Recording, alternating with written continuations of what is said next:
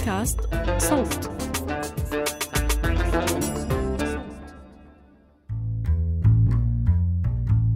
سلام أنا روان نخلة وعم تسمعوا بودكاست أحوال اللي بنحاول من خلاله نجاوب عن الأسئلة اللي بتخطر على بالنا بصفتنا أشخاص عايشين بالأردن زواج، إنجاب، بيع، شراء، سفر، عمل وغيره. بهذا الموسم بنركز على كيفية الوصول للعدالة والضمانات القانونية في الأردن خاصة في حال التعامل مع القضايا والمحاكمات. نتناقش بالأحوال المدنية لنحسن وعينا بحقوقنا وواجباتنا.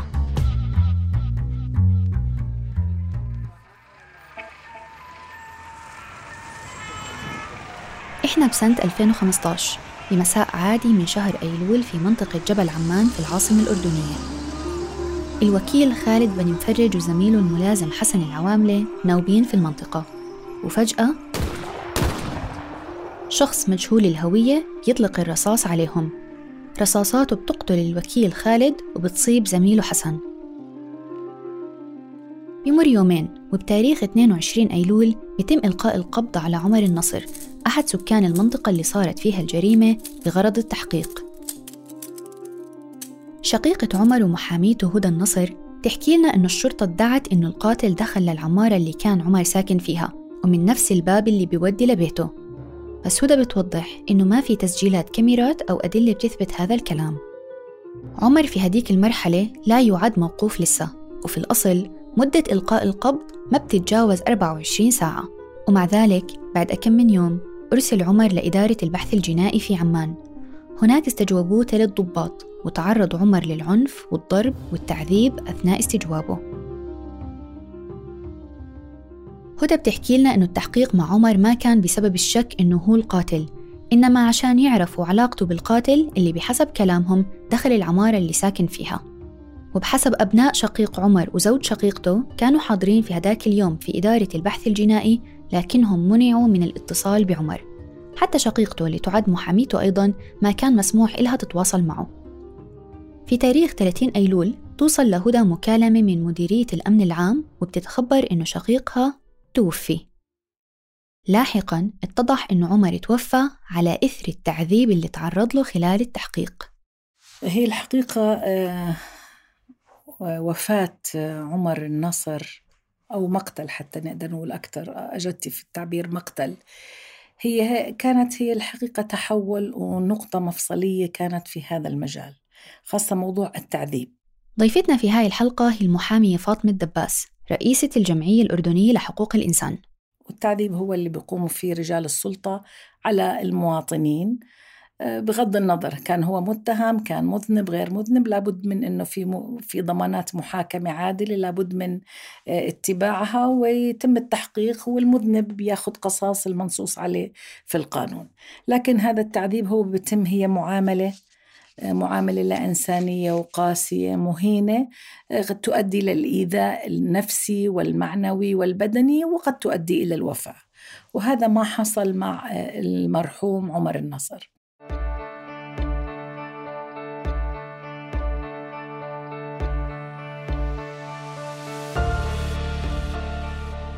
في الأول من تشرين الأول نقلت جثة عمر من إدارة البحث الجنائي لقسم الطب الشرعي لتشريح الجثة. وكشفت أدلة الطب الشرعي أنه جسد عمر المصاب بالسمنة أصيب بتضخم في القلب وأظهرت الفحوصات النسيجية وجود نزيف في الجلد وأنسجة تحت الجلد ووصلت الإصابات ل 40% متفرقة في أماكن مختلفة من جسده. واختلف تشخيص تاريخ الكدمات آخرها كان قبل 24 ساعة وأقدمها أقل من عشرة أيام. مما يعني أن عمر تعرض للتعذيب أثناء توقيفه عند الضباط خلال فترة الثمانية أيام الممتدة من تاريخ اعتقاله حتى تاريخ وفاته. العائلة رفضت تستلم جثته لعشر أيام قبل الموافقة على دفنه بشرط إجراء تحقيق في أسباب الوفاة وتعرضت العائلة لضغوطات بسبب إصرارها على عدم استلام الجثة بحسب شقيقته هدى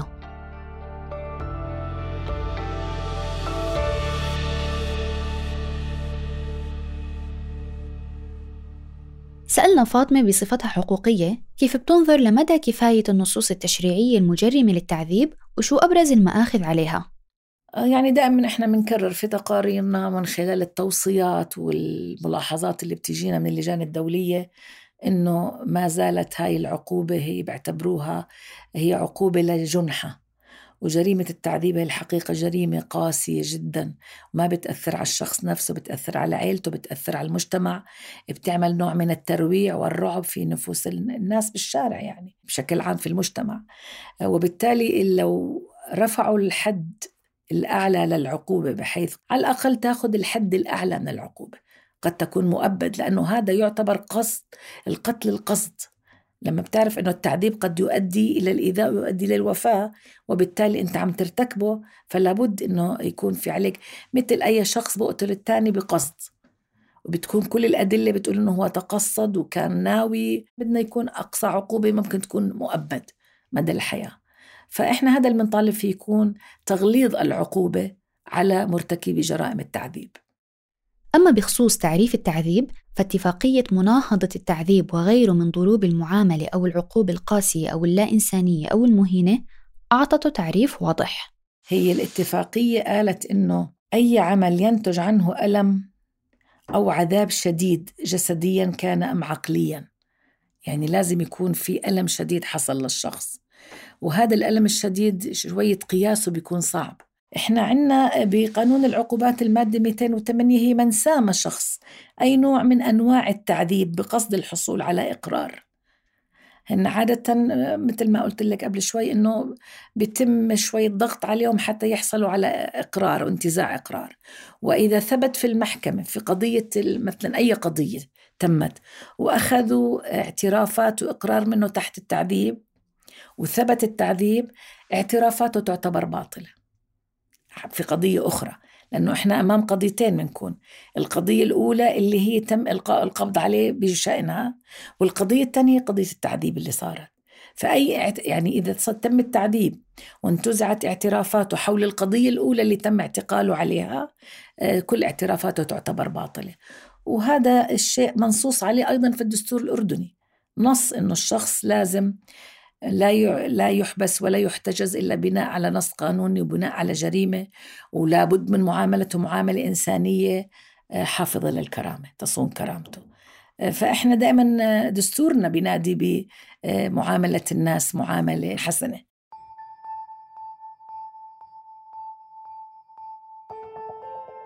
عمر كان مصاب باضطراب المزاج ثنائي القطب. وهو اضطراب نفسي بيخلي الشخص يعاني من تقلبات مزاجية مفرطة بين ارتفاعات عاطفية متمثلة بالهوس وانخفاضات متمثلة بالاكتئاب. ولما تم القبض عليه ما تم فحصه للتأكد من صحته النفسية وتم التحقيق معه كإنسان ما بيعاني من أي أمراض نفسية.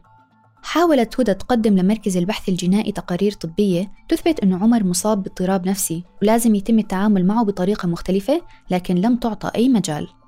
وهذا بخلينا نتساءل هل في تشريعات أردنية تضمن حق الموقوف أو الموقوفة اللي بيعانوا من أي مرض نفسي؟ سؤالك كتير مهم إنه الفحوصات الطبية السيرة المرضية للشخص أول ما يلقى القبض عليه يجب أن يكون هناك اتصال مباشر مع أهله لأخذ السيرة الذاتية عنه. إيش بيعاني من أمراض؟ إيش بيعاني من سلوكيات؟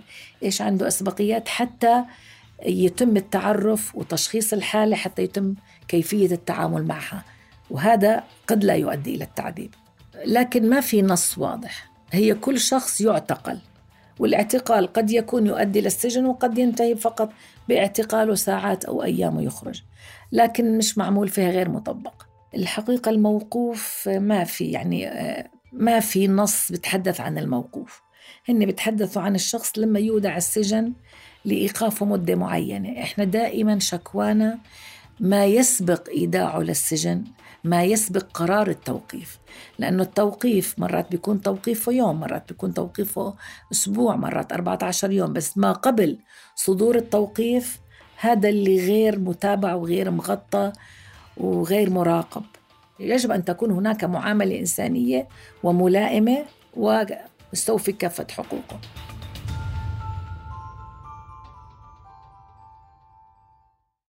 لكن مثل ما توضح لنا من خلال قصة عمر ما بيكفي إنه نعول على مدى تطبيق الأفراد المسؤولين عن التحقيق لأساسيات المعاملة الإنسانية. وإضافة للتعذيب اللي تعرض له عمر ما كان مسموح له يوصل للعالم الخارجي خلال فترة توقيفه. فشو بيحكي القانون بهذا الخصوص؟ هو في نص إنه ال ال هي غالبا بتيجي على السجين وهن للأسف هذا نوع من الثغرة. في التشريعات إنه بيعتبروا إنه أي شخص تحت رجال الأمن هو خلص موقوف أو هو آه، مسجون. لكن لا لسه هو ما دخل السجن. يعني هذا مراكز الاحتجاز لا تعتبر سجن. هي معروفة مراكز احتجاز أو اعتقال حسب الشيء المشتبه فيه. ما عندنا نص. لكن هي عبارة عن قوانين أو أنظمة وتعليمات موجودة في الأمن العام. لكن إحنا دائما نشكو من التطبيق العملي إنه للأسف هي غير مطبقة غير مفعلة.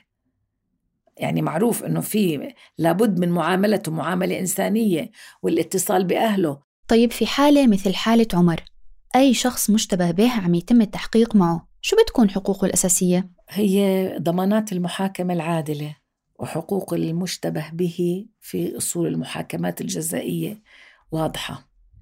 لكن هاي الحقوق موجودة إنه أول شخص عندما يلقى القبض عليه أول حق من حقوقه أنه يعامل معاملة إنسانية ولائقة وحافظة كرامته. ثانيا لابد من اتصال بالعالم الخارجي وهن ذوي لازم يتصل بأهله من تليفونه من تليفون المركز. يوضع في مكان ملائم ولائق. يقدم له العلاج إذا كان بحاجة للعلاج. آه، يطلب وجود محامي. ويسمحوا للمحامي يشوفه.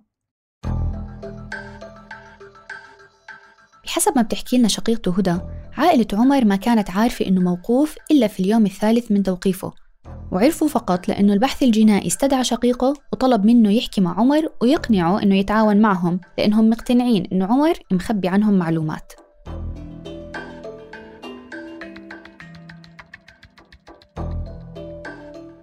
لما منروح للأمن العام نسألهم عن الإحصائيات والنسب وكم قضية تحولت هن بيقولوا في قضايا تحولت لكن يظهر إنه ما في نشر لهذا الموضوع. فإحنا كنا من خلال منظماتنا نقول لهم النشر في عدد القضايا اللي أحيلت على أساس انها تعذيب. هذا بيريح الشارع بيريح الناس. إنه في قصاص في عقوبة في حدا عم بيتابع. مش عم بيصير في تعذيب وبيمروا الأشخاص الجناة بلا عقوبة. يعني بصير في نوع من الإفلات من العقاب. فهذا اللي إحنا دائما نفتقر له ما عندناش إحصائيات. ما عندناش إحصائيات عدد القضايا اللي تم تكييفها. تعذيب ولا عندنا إحصائيات كم قضية تم الحكم فيها. قضية عمر النصر هي اللي كانت في عليها تغطية إعلامية. في البداية كان ما سمح لنا ندخل إحنا لمواقف طبعا الاعتقال آه، ولا حتى بنقدر نشوف الشخص لأنه لو في مراقبة وفي محامين وفي على الأقل كاميرات ممكن تحد هاي من التعذيب اللي بيتم في المراكز. آه، بالآخر سمح لنا نحضر جلسات التحقيق ونحضر جلسات المحاكمة في محكمة الشرطة.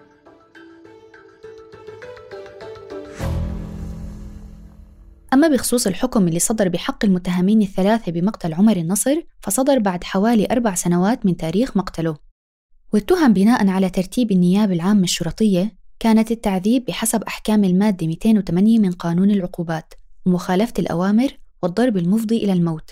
والقضية كانت محولة لمحكمة عسكرية مع إنه المجني عليه مدني.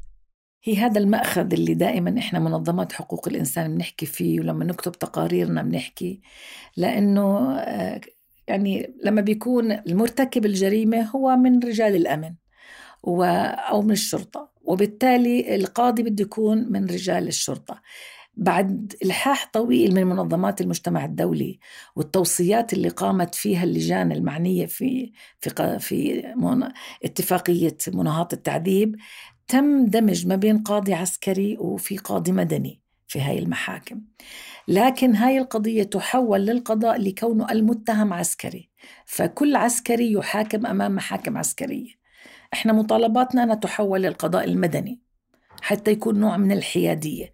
إحنا ما بنشكك في النزاهة وخصوصا في الآخر عندما تم الحكم على الجناه في قضية عمر النصر لكن مع صدور قانون العفو العام سنة 2019 سقطت عن المتهمين تهم التعذيب ومخالفة الأوامر مع الإبقاء على تهمة الضرب المفضي إلى الموت منظورة في القضاء. والغريب أنه جرم التعذيب كان مشمول بقانون العفو العام ومش مرتبط بإسقاط الحق الشخصي. بمعنى أنه تهمة التعذيب سقطت بدون ما حتى تتنازل عائلة عمر عنها. ممكن نحكي إنه هذا يعد قصور تشريعي.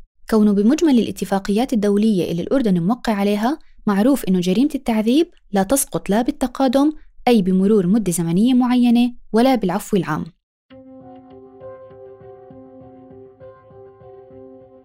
عقوبة الضرب المفضي إلى الموت حدها الأدنى سبع سنين من السجن. أما لما يكون المجني عليه بيعاني من أمراض نفسية فحدها الأدنى بيكون 12 سنة. هاي تعد ضمانة من القانون للأشخاص اللي بيعانوا من المشاكل النفسية أو الإعاقات. لكن مع ذلك الحكم اللي صدر بحق الثلاث المتهمين بداية سنة 2020 في ثاني محاكمة هو سبع سنين من السجن. لاحقا وبنفس السنة قدم مساعد النائب العام طلب استئناف أمام محكمة التمييز ضد المتهمين الثلاثة لتغليظ عقوبتهم. نقضت محكمة التمييز حكم محكمة الشرطة واعتبرت أن الأفعال اللي ارتكبها الجناة تشكل جناية ضرب مفضي إلى الموت وأعادت القضية لمحكمة الشرطة لاستيفاء الشروط القانونية. وفي الثامن من تشرين الأول من سنة 2020 تم تعميم الحكم النهائي ونشره في الأخبار. وبحسب هدى القرار هذا يعد سابقة على مستوى حقوق الإنسان في الأردن كونه صدر عن محكمة التمييز وبدين أشخاص من أفراد إنفاذ القانون وبدعم المطالب لاتخاذ إجراءات وتعديلات تشريعية بخصوص التعذيب وإساءة المعاملة. إيه، هو الحقيقة الأردن الآن في مرحلة تقديم آه، تقريره للأمم المتحدة لكن بسبب جائحة كورونا آه، نوعا ما تأخر لكن إحنا في هاي المرحلة. قضية عمر النصر لما يتقدم في تقرير الأردن إنه إحنا عاقبنا ثلاث أشخاص على أثر التعذيب هذا الحقيقة بريح اللجنة إنه عم بيحطوا إيديهم على الملفات إنه ما في إفلات من العقاب إنه الجاني بتعاقب. يعني التقرير السنة حيكون في نوع من الإيجابيات بالإضافة إلى إذا عدلوا القانون لأنه رفع العقوبة لسبع سنوات معناته أنت تجاوزت النص الموجود في قانون في 208 208 بتقول من سنة لثلاث لما التمييز رفعتها لسبعة معناته هي عدلت العقوبة بالرغم من المادة ما تعدلت. يعني كيفتها على أساس أنها جريمة أخرى وليست جريمة فعل أدى الإيذاء أدى إلى الموت. هذا مبشر.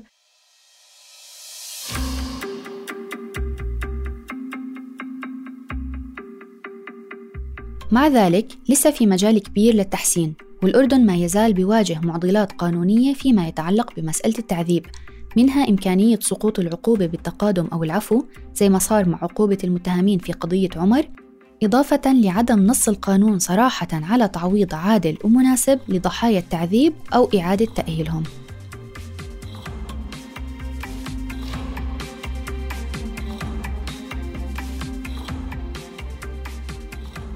كنت معكم في هاي الحلقة من الإعداد والتقديم روان نخلة من الكتابة فريق صوت من التحرير عمر فارس من الهندسة الصوتية محمود أبو ندى. وشكرا لفريق النشر والترويج اللي بفضله عم تسمعونا. هذا الموسم من بودكاست أحوال من إنتاج صوت والمعهد الدنماركي لمناهضة التعذيب Dignity في الأردن وبرعاية وزارة الخارجية الألمانية وبرنامج الشراكة الدنماركية العربية.